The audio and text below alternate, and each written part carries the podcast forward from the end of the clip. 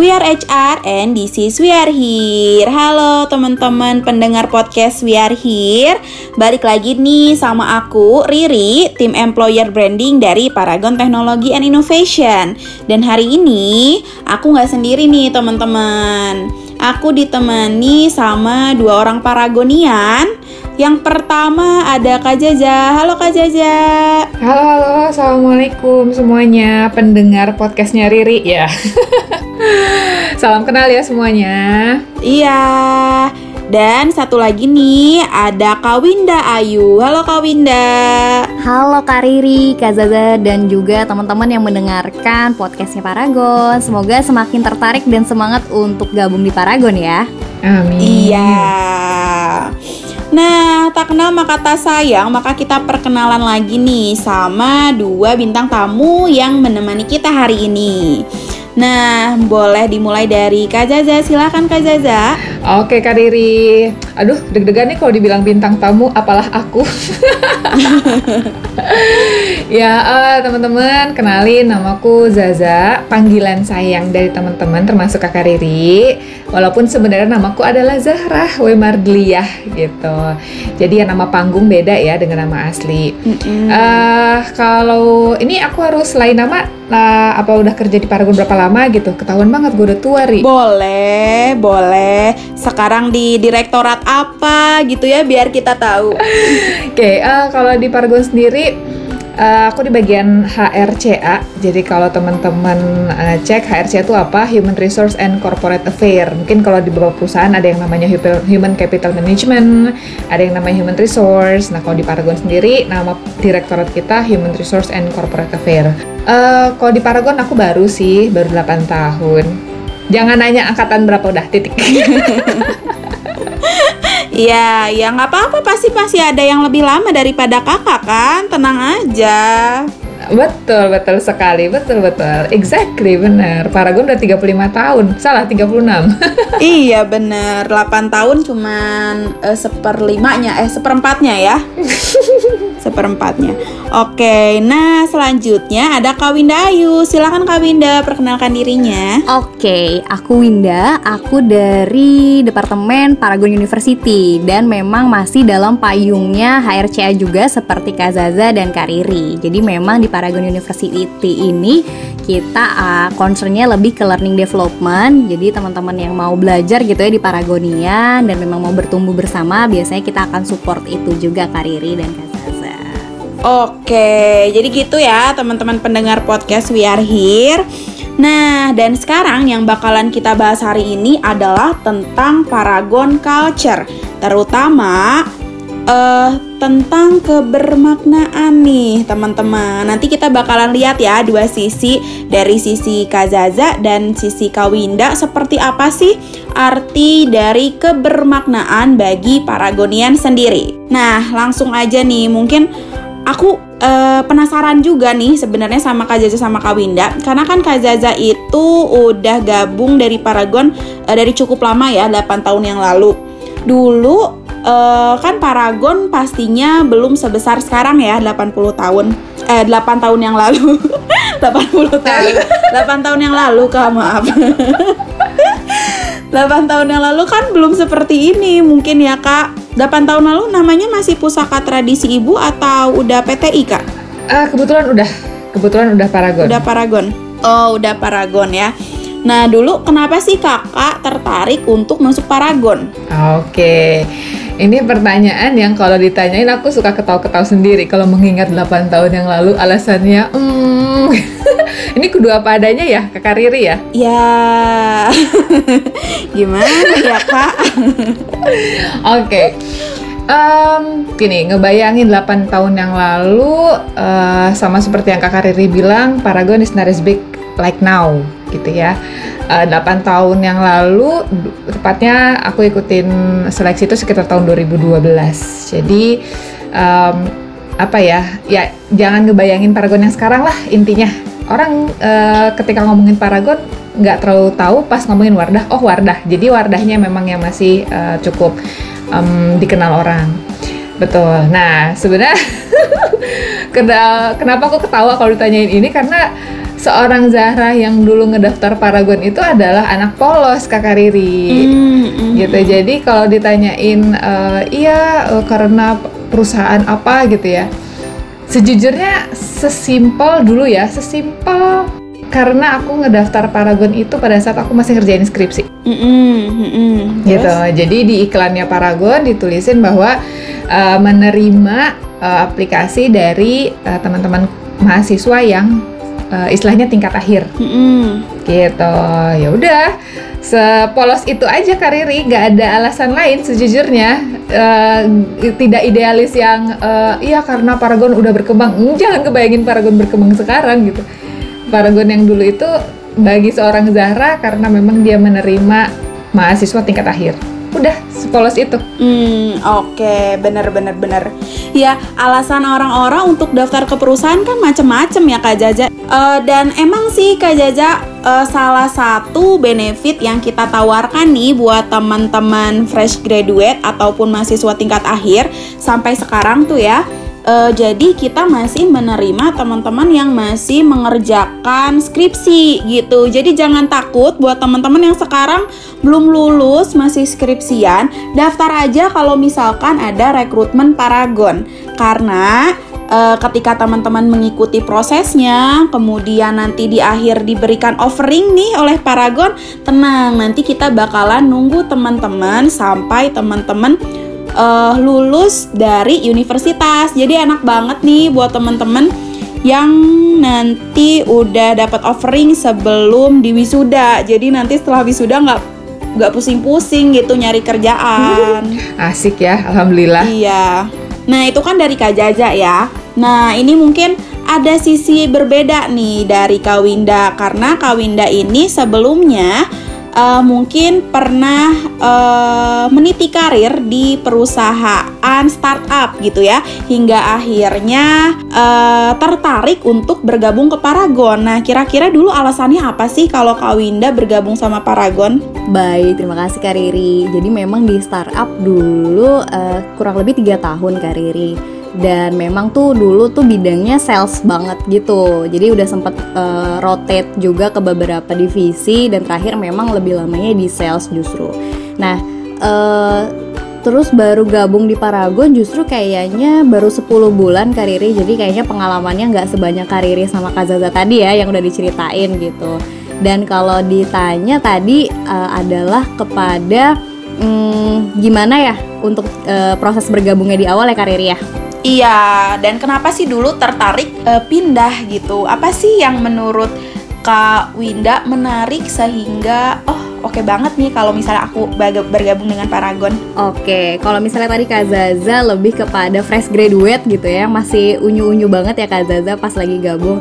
Nah, kalau aku kayaknya udah sangat tua kayak Kak Riri pada saat bergabung.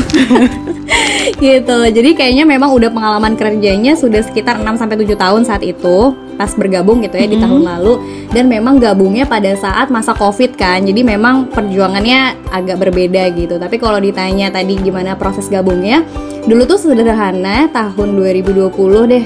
Itu tuh aku ikut kelas pengembangan eh, kepribadian gitulah supaya punya kapasitas diri tentang karir dan juga tentang finansial dan segala macam kebutuhan hidup gitu ya aku ikutin. Nah kebetulan salah satu seri kelasnya itu ada pembicaranya yaitu Pamifta yang sekarang eh, masih menjabat sebagai direktur HR gitu ya di Paragon dan memang biasanya tuh kita diarahkan kalau misalnya setelah kelas kita tuh eh, tetap build networking gitu dengan eh, lanjut eh, diskusi di WhatsApp atau mungkin di media sosial kayak LinkedIn gitu. Jadi kita membangun mentoring juga.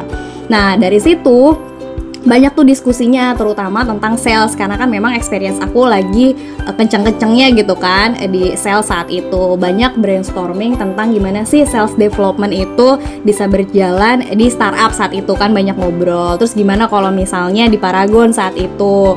Jadi kayak banyak tukar pikiran terus di, di challenge sama Pamifta bilang kayak eh coba dong bikinnya presentation deck gitu Mm-mm. untuk uh, kira-kira gimana sih sales development yang mungkin oke dan mungkin bisa jadi uh, sebuah ide baru gitu untuk Paragon. Nah akhirnya dibuat tuh kan, dibuat terus kayak ngobrol-ngobrol lagi lebih lanjut sampai presentasi juga. ternyata bapak oke nah dari situ mulailah uh, apa namanya diproses bahwa uh, kayaknya bisa nih untuk nge-support uh, tim uh, beauty advisor kita gitu ya. Kalau teman-teman ngertinya mungkin SPG gitu ya kalau misalnya banyak di FMCG nah itu nge-support untuk developmentnya teman-teman uh, tim sales saat itu gitu. Walaupun seiring berjalannya waktu karena ngelihat banyak task force juga gitu ya karena challenge makin banyak dan perusahaan kita juga makin uh, wide jadinya kayak coba deh uh, belajar dulu untuk di tim ini terus sempat gabung juga ya sama teman-teman di rekrutmen gitu terus mm-hmm. sempat juga support yang lain jadi kayak akhirnya menemukan bahwa uh, sesuatu hal yang gak ditemuin di tempat yang sebelumnya dan sekarang akhirnya mulai menikmati adalah bagaimana kita nolong orang mm-hmm. dan bermanfaat dan jadi lebih bermakna karena memang impactnya tuh berasa banget Nah di HR ini kan kita kan usernya kan orang-orang nih Mbak Riri ya sama Kak Zaza gitu kan yeah. Jadi kayak oh apa yang kita berikan tuh sangat impact ke mereka. Walaupun sesederhana kayak misalnya oh ada coaching nih. Mungkin orang yang belum terbiasa akan ngerasa aneh gitu kan. Tapi ternyata kayak oh iya saya jadi komunikasinya lebih baik sama keluarga. Saya sama tim jadi ngerasanya lebih connect lebih engage gitu. Jadi hal-hal yang sederhana tapi kayak lebih berasa di kita manfaatnya juga gitu maknanya jadinya ngerasa lebih hidup aja sih di Paragon gitu Kariri jadi kakak menemukan menemukan hal yang gak kakak temukan di perusahaan sebelumnya. Mungkin itu ya kak yang membuat kakak tertarik untuk uh, tetap ada di Paragon dan bergabung menjadi Paragonian, gitu kan? Betul banget. Apalagi talent developnya kita juga uh, cukup ketat gitu ya. Maksudnya bener-bener di di monitoring, bener-bener di support banget untuk teman-teman belajar gitu kan. Dan mungkin ada teman-teman culture juga yang bener-bener membangun kita nih tumbuh kembang bersama sama Paragon. Seperti misinya kita ya Kariri ya. Iya, betul banget nih Kak Binda. Nah, uh, mungkin tadi ada dua perspektif ya dari perspektifnya Kak Zaza sama perspektifnya Kak Winda gitu.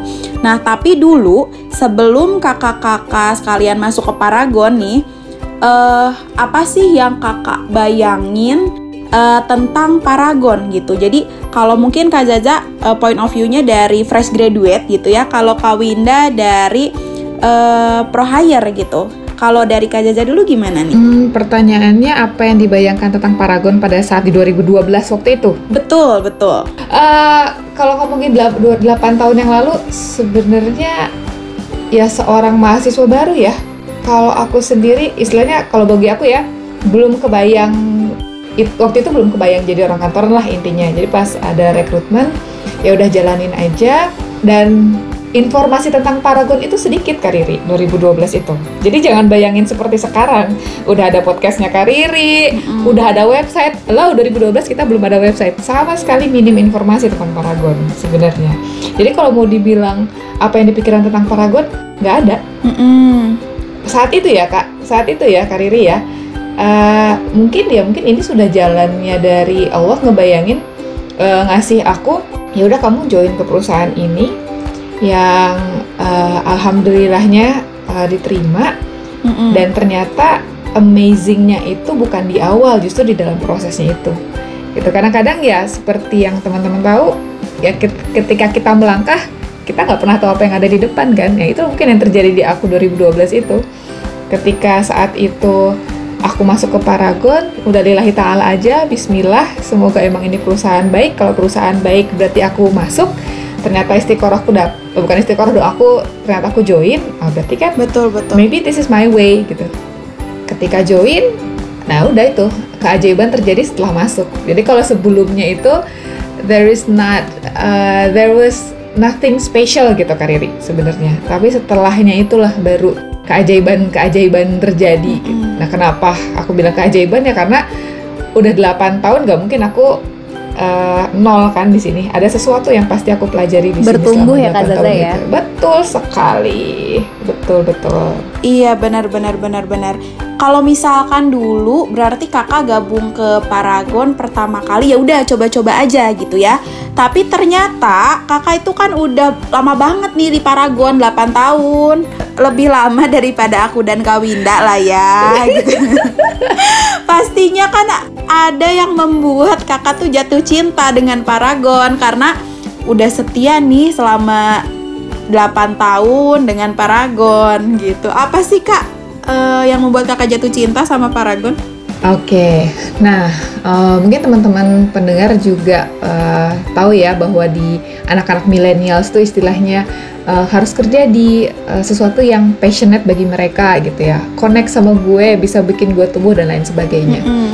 Nah uh, kalau dari aku sendiri pernah dengar istilah personal values nggak? Apa tuh? Nah jadi uh, istilahnya nilai-nilai yang ada di dalam diri masing-masing yang merupakan hasil didikan lah, didikan keluarga, didikan uh, lingkungan yang memang kamu pegang sebagai prinsip gitu. Nah, kalau semakin ini setelah masuk ke Paragon juga ya, udah semakin belajar ya. Bukan pas 2012 sih masih unyu-unyu banget karena ini jangan ngebayangin aku ngomong ini 2012 nggak akan keluar.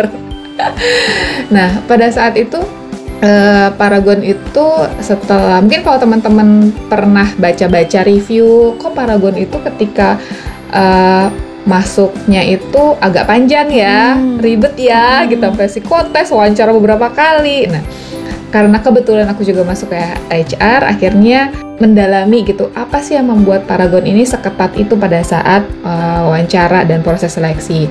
Nah, mereka kita istilahnya benar-benar nyari apa benang merah antara uh, calon pelamar dan juga paragon sendiri.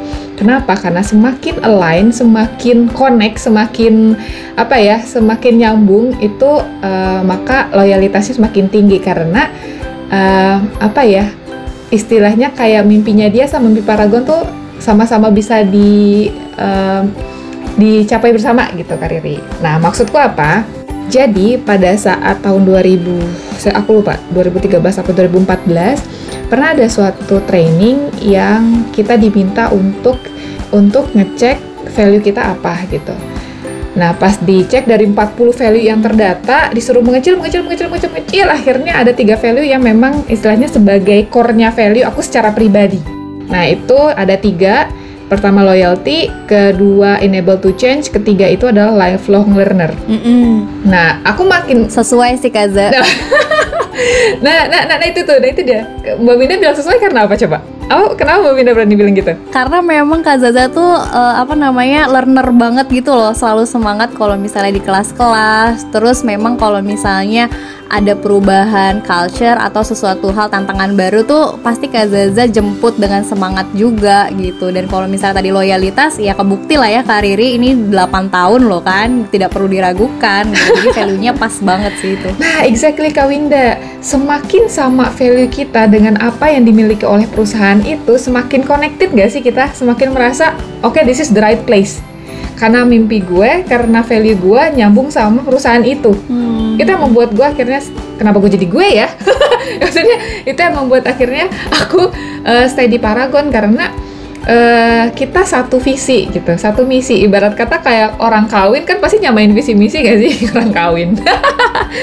Mungkin uh, Kariri sama Kawinda sebagai yang sudah punya uh, pasangan pasti itu ya pas sebelum nikah kan visi kamu apa, misi kamu apa. Nah sama juga ketika betul betul betul betul betul uh, teman-teman uh, saya termasuk aku sendiri ketika nyari perusahaan uh, ya mungkin kamu uh, belum tentu di awal tuh tahu ini perusahaan gue banget seperti gue. Dulu kan kayak gitu ya. Kayak belum tahu. Tapi mungkin kau Winda udah mencari-cari tahu karena alhamdulillah 2020 informasi mm. tentang Paragon kan udah sangat melimpah ruah ya. Nah sejalan itu akhirnya uh, menyadari bahwa ya this is the right place karena aku bisa istilahnya berkembang aku secara pribadi bisa berkembang dan bisa membantu perusahaan itu sejalan gitu. Bayangkan kalau ternyata value gua apa value Paragon apa dan berbeda total. Kira-kira bisa bertahan nggak seperti ini? Iya, belum tentu ya kak. Jadi kalau misalnya ini kayak jodoh-jodohan, hmm. bukan berarti orang yang nggak keterima ke Paragon itu bukan orang yang kurang atau apa ya. Berarti ya kak, bisa aja orang-orang hmm. yang nggak keterima Paragon itu adalah orang-orang yang mungkin belum jodoh sama kita. Bener nggak? Bener, bener, betul. Betul betul dan ya secara value atau secara eh, kita tuh istilahnya beda mimpi aja gitu. Mm, kan nggak bisa dipaksain ya orang beda mimpi, beda visi, beda uh, misi susah kan disatuin. Nah itu juga benar karirnya jadi mengangkat itu tuh. Uh, sometimes ada beberapa pelamar mungkin merasa udah down banget. Uh, kok gue nggak keterima ya gue jelek banget. Eh tunggu dulu, belum tentu lo jelek banget eh, buat semua perusahaan. Bukan bukannya jelek banget tapi mungkin lu belum cocok. Lo nggak cocok di perusahaan tertentu. Kalau lu maksain stres dua-duanya. Iya iya iya iya iya iya. iya. lu struggle perusahaan struggle. Nih orang maunya apa? Terus si orangnya bilang ini perusahaan maunya apa? Susah jadinya. Iya, gitu sih. iya, jadi iya, iya, iya. kalau balik lagi ke pertanyaan Kariri apa yang membuat jatuh cinta selama ini ya karena itu karena perusahaan dan value pribadi aku sendiri itu nyambung gitu. Jadi eh, apa yang perusahaan harapkan dan apa yang secara pribadi gue harapkan ternyata align banget dan jadinya ya udah kita eh, jalan bareng gitu sih. Mungkin ini juga menjawab pertanyaan teman-teman job seeker sekalian ya, karena mungkin eh, banyak yang bertanya kok tes Paragon itu susah? Gitu, kok aku udah daftar berkali-kali nggak lolos-lolos. Bukannya susah, tapi mungkin eh chemistry-nya aja belum dapat daripada nanti kita memaksakan hubungan nanti di akhirnya eh, kedua belah pihak saling memaksakan dan saling melukai gitu mungkin ya kayak aduh. Melukai wow. Melukai kayak pacaran aja.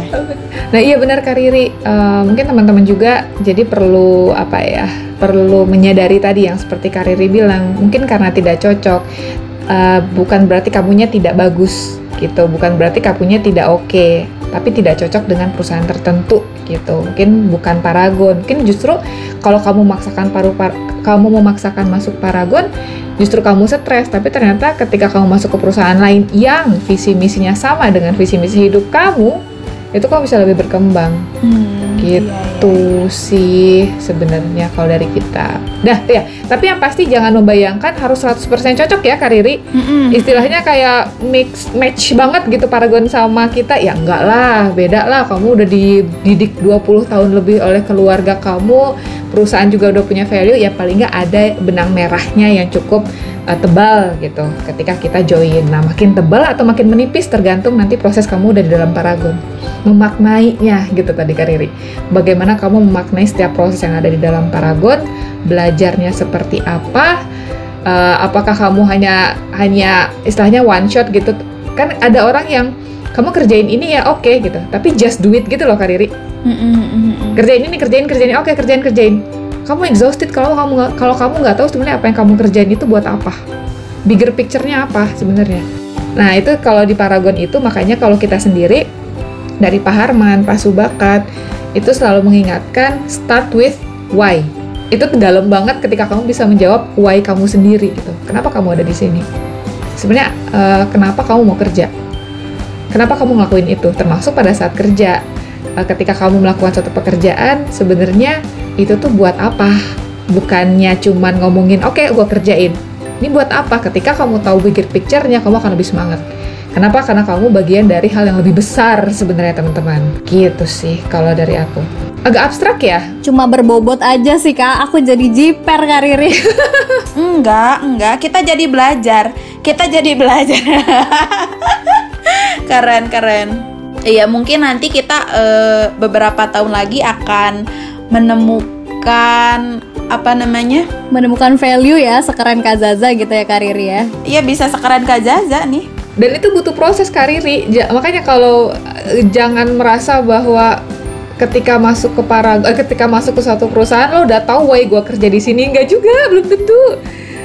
Eh, butuh proses untuk kamu menyadari. Mungkin ada beberapa orang yang sudah tahu eh, kenapa dia mau kerja kenapa dia masuk Paragon gitu. Tapi ada orang yang butuh proses salah satunya aku gitu. Al- kayak aku sangat bersyukur banget setelah masuk barulah gitu uh, di, di, di- di- digembleng oleh uh, bapak-bapak yang ada di Paragon sambil mereka ngomongnya dalam gitu. Jadi ketika kamu ngobrol-ngobrol sama orang-orang Paragon tuh ini nih ini uh, ini boleh gak aku kasih testimoni orang yang baru masuk Paragon sekitar lima bulan lah. Tapi dia juga kayak Kawinda pernah kerja di perusahaan lain gitu.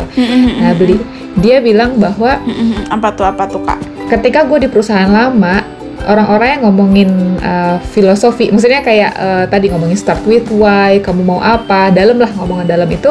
Di perusahaan dia sebelumnya tuh jarang ada orang yang uh, mau terlalu dalam ngomong. Tapi ketika masuk ke Paragon banyak banget orang-orang yang ngomongin hal-hal seperti itu. Nah itu kelihatan ngomongin culture itu kan. Itu kera- itu kerasa culture-nya. Bahwa orang-orang Par- Paragon itu ketika melakukan sesuatu dia istilahnya me- apa ya istilahnya mendalami why-nya tadi, memaknai proses dia tuh buat apa, untuk apa gitu. Mbak Mbak Winda ngerasa juga? Sepakat sih Kak Zaza. Oh, eh. berarti culture-nya kerasa ya? Betul, kurang lebih kayak gitu juga sih Kak Zaza. Kak Zaza jangan curi itu dong obrolan aku nanti aku nggak ada bahan lagi nih Kak Riri. Oh, sorry sorry. Oke oke oke oke siap. Tenang, tenang, tenang. Masih banyak kok yang bisa ditanyain ke Kak Winda. Makasih banget nih Kak Jaja bener-bener uh, ngebuka hati dan pikiran kita ya Kak Winda ya. Ternyata gitu ya banyak sekali nih yang Kak Jaja dapetin selama uh, udah lama melanglang buana di Paragon ini. Gak usah sebutin 8 tahunnya ya Kak Jaja ya, nanti ketahuan. Nah, kalau misalnya Kak Winda nih kan karena baru gabung di tahun 2020 ya, di mana uh, Paragon, Wardah, Makeover Amina itu mungkin sudah banyak banget informasi yang ada di internet. Nah, ada nggak sih yang dulu mungkin pertama kali pandangan kakak tentang Paragon sebelum bergabung nih?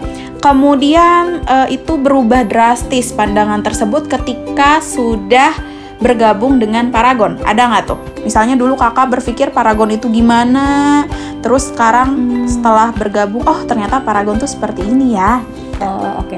Kayak aku tuh sempat cerita juga gitu kan waktu pas lagi interview uh, family ya Kak Riri. Jadi 2016 gitu kalau nggak salah aku tuh pernah terlibat di Wardah Inspiring Teacher. Jadi fasilitator untuk teman-teman Paragonian ngajar di sekolah uh, dasar daerah kantor juga saat itu. Karena memang dulu aku tergabung jadi volunteernya Indonesia Mengajar. Iya. Nah, itu tuh di aku ya, di otak aku kayak oh oke ini perusahaan yang sedang bertumbuh gitu. Hanya sebatas itu aja dan memang eh, produknya juga sedang berkembang gitu kan. Jadi masih masih belum jadi number one banget lah yang secara konsisten berpuluh-puluh tahun gitu kan. Jadi kayak oh ya udah cukup tahu aja saat itu. Jadi belum ada ketertarikan yang bener-bener kayak wah ini value-nya gue banget gitu. Tapi ketika eh, apa namanya ketika di 2020 itu gitu kan nah aku memang eh, waktu dipaparkan tentang Paragon gitu ya ngeliat f- eh, misinya Paragon yang pertama adalah mengembangkan Paragonian gitu sebegitunya menghargai talent as eh, aset gitu maksudnya kayak ini adalah aset berharga kita karena ketika Paragonian atau eh, tim resourcesnya human resourcesnya tumbuh gitu kan semuanya akan tumbuh gitu Betul. jadi bisnisnya ya akan lebih banyak sedekahnya lagi gitu aku mikirnya. Dan dan itu terbukti banget gitu ketika kita masuk bener-bener semua orang eh, diperhatikan banget eh, dari onboardingnya sampai bener-bener kita berapa bulan berapa tahun gitu kan tetap apa namanya kayak di recall lagi yuk eh, why-nya apa? Yuk kita mau ke arah mana? Yuk kita kebermanfaatnya untuk ke mana sih gitu? Kayak ke berapa orang ke banyak orang ke seperti apa eh, dalamnya untuk kita nge-support orang. Dan itu tuh nggak didapetin dari perusahaan-perusahaan yang pernah aku ikutin gitu. Jadi kayak aku pernah eh, dari tiga kantor sebelumnya kan Kari. Itu tuh memang kan fokusnya ke omset gitu kan ke omset. Profit ya, profit ya ya. betul ke profit oriented banget. Terus kayak yuk kita bikin inovasi apa? gitu. Jadi kayak bekerja tuh bener-bener udah lari-larian banget gitu. Nah begitu masuk Paragon awalnya agak jet lag sih eh, Kariri dan Kazaza gitu ya sebagai experience hire. Lebih kepada kayak wah ternyata tuh di sini nggak profit oriented yang bener-bener kayak harus kita harus ngomongin omset di mana-mana dan jadi makanan kita atau cemilan sehari-hari gitu. Di sini tuh lebih kayak eh, ngegalinya value-nya seperti apa kebermanfaatannya seberapa besar untuk eh, teman-teman di luar sana gitu. Tuh kan awalnya kaget kan kok nggak ditanyain ya apa yang saya lakukan berdampak ke bisnis berapa besar profitnya? gitu kan. Tapi lebih kepada kayak yuk eh, seberapa orang banyak bisa berubah dan bermanfaat dengan apa yang kita lakukan? Gitu. Kayak jelek banget kan? Wah kok bisa kayak gini ada perusahaan gitu? Dan memang value itu akhirnya turun ke aktivitas kita gitu. Ketika kita belajar ketika kita berkolaborasi antar tim dan itu terasa banget teman-teman tuh saling bantu saling support dan bener-bener kayak nuansa bekerjanya juga diingetin gitu. Kayak di awal kita harus selalu menyertakan Tuhan gitu kan. Kita selalu baca doa dan memang dari pengembangan diri tuh nggak cuma sekedar knowledge-nya aja tapi juga teknikalnya juga rohaninya juga jasmaninya juga tuh bener-bener seakan manusia tuh seberharga itu. Dan ini yang membuat aku eh, apa ya penuh impresi banget sama Paragon dan akhirnya mulai tumbuh tuh cintanya gitu. Jadi kalau misalnya di awal kita bilang kayak oh ya udah deh uh, kita mau kita nggak ngerti HR kita nggak ngerti Paragon gitu. Tapi temukan kayak tadi yang Kak Zaza bilang apa sih yang jadi mimpinya perusahaan itu gitu kan terutama Paragon? Apa sih yang sebenarnya kita punya as a value atau ngerasa kita tuh bermakna banget ketika kita melakukan itu? Nah coba uh, cari benang merahnya dan ya udah akhirnya ngerasa fit mulai jatuh cinta sama Paragonnya uh, perlahan di awal gitu Kak Riri. Jadi semua orang Kak baik Kak Zaza atau Kak Winda gitu ya jatuh cintanya tuh ketika mulai proses berada di dalam sini ya. Betul. Iya. Uh, uh, uh, uh, uh, ya sama sih aku juga karena dulu aku juga fresh graduate. Uh, mungkin di tahun 2017 itu uh, kita udah bisa tahu lebih banyak tentang Paragon.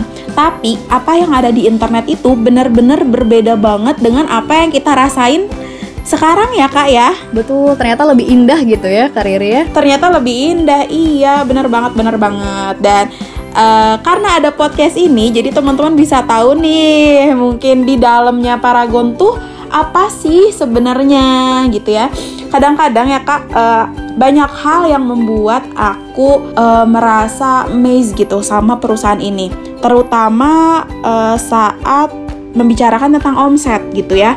Kalau misalnya perusahaan lain itu mengejar omset mungkin untuk demi keuntungan semata. Nah tapi di Paragon uh, kita itu mengejar omset untuk memberikan uh, apa ya sebutannya? Memberikan uh, bantuan kepada orang-orang yang membutuhkan ya kan kak? Gitu. Betul, betul. Uh, jadi kita tuh ketika mengejar omset dan omsetnya itu tidak tercapai uh, bukan hanya melihat dari segi bisnis tapi melihat bagaimana orang-orang yang kita bantu mungkin tidak sebanyak tahun sebelumnya gitu ya kak. Hmm, betul betul. Ya betul, itu betul. juga sangat menarik sih. Jadi ketika kita bekerja hal apa pun yang kita kerjakan itu sebenarnya bukan buat diri kita tapi untuk berbagi kepada orang lain dan memberikan makna kepada orang lain melalui profesi yang kita jalankan saat ini. Betul sekali. Nah, betul banget Kak Riri. Dan kebermanfaatan itu nggak terbatas ya teman-teman juga. Misalnya kayak aku backgroundnya sales gitu tiba-tiba ke HR apakah sesuatu hal yang menakutkan? Sebenarnya balik lagi ke diri masing-masing. As a value dan mimpinya sama sebenarnya apa yang kita lakukan balik lagi. Apakah kita mau jadi spesialis atau generalis gitu kan? Selama jadi generalis is okay gitu kan nah teman-teman bisa nih berdaya dan bermanfaat tuh di mana aja gitu asalkan mimpi dan value-nya sama ya Kak Zaza ya betul Mak kalau terlalu berjauh, ber, kalau intinya ada yang sama aja. Kalau misalnya terlalu jauh berbeda ya tadi stres sebenarnya. Ja, jadi memang apa ya istilahnya memang sesuatu yang abstrak di awal tapi akan terasa ketika kamu join hmm. gitu. Is it the right path of mind gitu sama atau enggak sih uh, kita itu? Nah makanya kalau di Paragon itu pada satu wawancara dan berproses itu diliatin. Tadi kalau kata Mbak Winda dipantengin ya Mbak. ya emang dilihat ini uh, kita masih sejalan nggak ya gitu. Betul. Dan tadi kalau Kak Riri bilang ngomongin apa kebermanfaatan tadi ya. Uh, mm. Pak Harman, pokoknya owner-owner kita tuh sering mengatakan bahwa hati-hati dengan pernyataan jangan jangan sampai kebalik antara kita bermanfaat kita baru bertumbuh atau bertumbuh dulu baru bermanfaat. Mungkin most of the people merasa bahwa kita bertumbuh dulu baru akhirnya kita ngasih manfaat gitu. Mm-hmm. Tapi kalau di Paragon sendiri para founder kita mengingatkan niatnya itu benar-benar harus memberikan manfaat dulu. Nanti dengan adanya istilahnya jangan buat sendiri buat orang lain. Bu Nur pun selalu mengingatkan bahwa kita ketika kita bekerja untuk orang lain biasanya semangatnya akan lebih tinggi karena lebih bigger purpose kan, purpose-nya lebih besar gitu. Kita akan punya tenaga gitu, lebih seperti Bu Nur sering uh, mengingatkan. Nah, ketika kita bermanfaat lebih, banyak doa, banyak hal-hal ajaib lah yang akan kita terima sampai akhirnya kita bisa bertumbuh terus, bermanfaat makin nambah, tumbuh lagi, bermanfaat, bermanfaat lagi dan bertumbuh terus. Itu yang selalu diingetin sih dari para founder bermanfaat dulu baru kemudian kita bertumbuh. Jadi niat sebagai basic identity kita itu harus selalu kita pegang sih Kariri. Jadi ingat Betul banget sih Kaza. Jadi walaupun capek gitu kan pasti kerja tuh capek gitu, tapi ketika kita tahu bahwa kita bermanfaat dan bermakna gitu bareng Paragon, jadi dia tuh ngerasa kayak oh capeknya ini sesuatu hal yang memang ngebawa kita tuh lebih dekat sama betul. Tuhan, lebih dekat sama keluarga betul, juga betul, gitu betul, kan. Betul betul. Jadi bukan hanya sekedar pekerjaan profesi ya Kak Winda ya, tapi itu hidup lo gitu Enggak. Jadi kalau uh, ya most of the people juga udah tahu istilahnya kerjaku itu kerja itu bagian dari ibadah ketika apa? Ya ketika kamu bekerja proses kamu benar, niat kamu benar, itu pasti jadi ibadah. Apalagi para lelaki ya, ya. para lelaki yang akan memberikan nafkah untuk uh, keluarga gitu. Ketika kamu bekerja benar, prosesnya benar, insya Allah itu uh, pahala besar lah buat seorang kepala keluarga gitu yang ngasih uh, ngasih makan anak-anaknya yang halal gitu. Aku tuh tertarik sama tadi Kak Winda, Kak Zaza gitu ya selalu uh, ngomong tentang kebermanfaatan gitu ya atau kebermaknaan. Nah, uh, menurut Kak Zaza nih ya, kalau misalnya kita lihat dari sisi Paragon Culture, mm-hmm. kebermaknaan dari Paragon Purpose itu maksudnya gimana sih kak? Start with why tadi sih, Kariri. Jadi kalau di sana kan di purpose itu adalah bermang, bermakna bagi Paragon, uh, sorry, bagi Paragonian mitra dan masyarakat. Jadi uh, sebenarnya kembali lagi apa sih yang kita lakukan? Apakah apa impactnya gitu dari apa-apa yang dilakukan Paragon kepada masyarakat terutama deh paragoniannya dulu ya. Apa sih manfaatnya gitu? Apa sih uh, maknanya bagi paragonian itu sendiri? Kemudian buat orang sekitar kita dan buat lingkungan kita buat orang-orang yang berhubungan dengan paragon entah vendor entah terparti lah ya.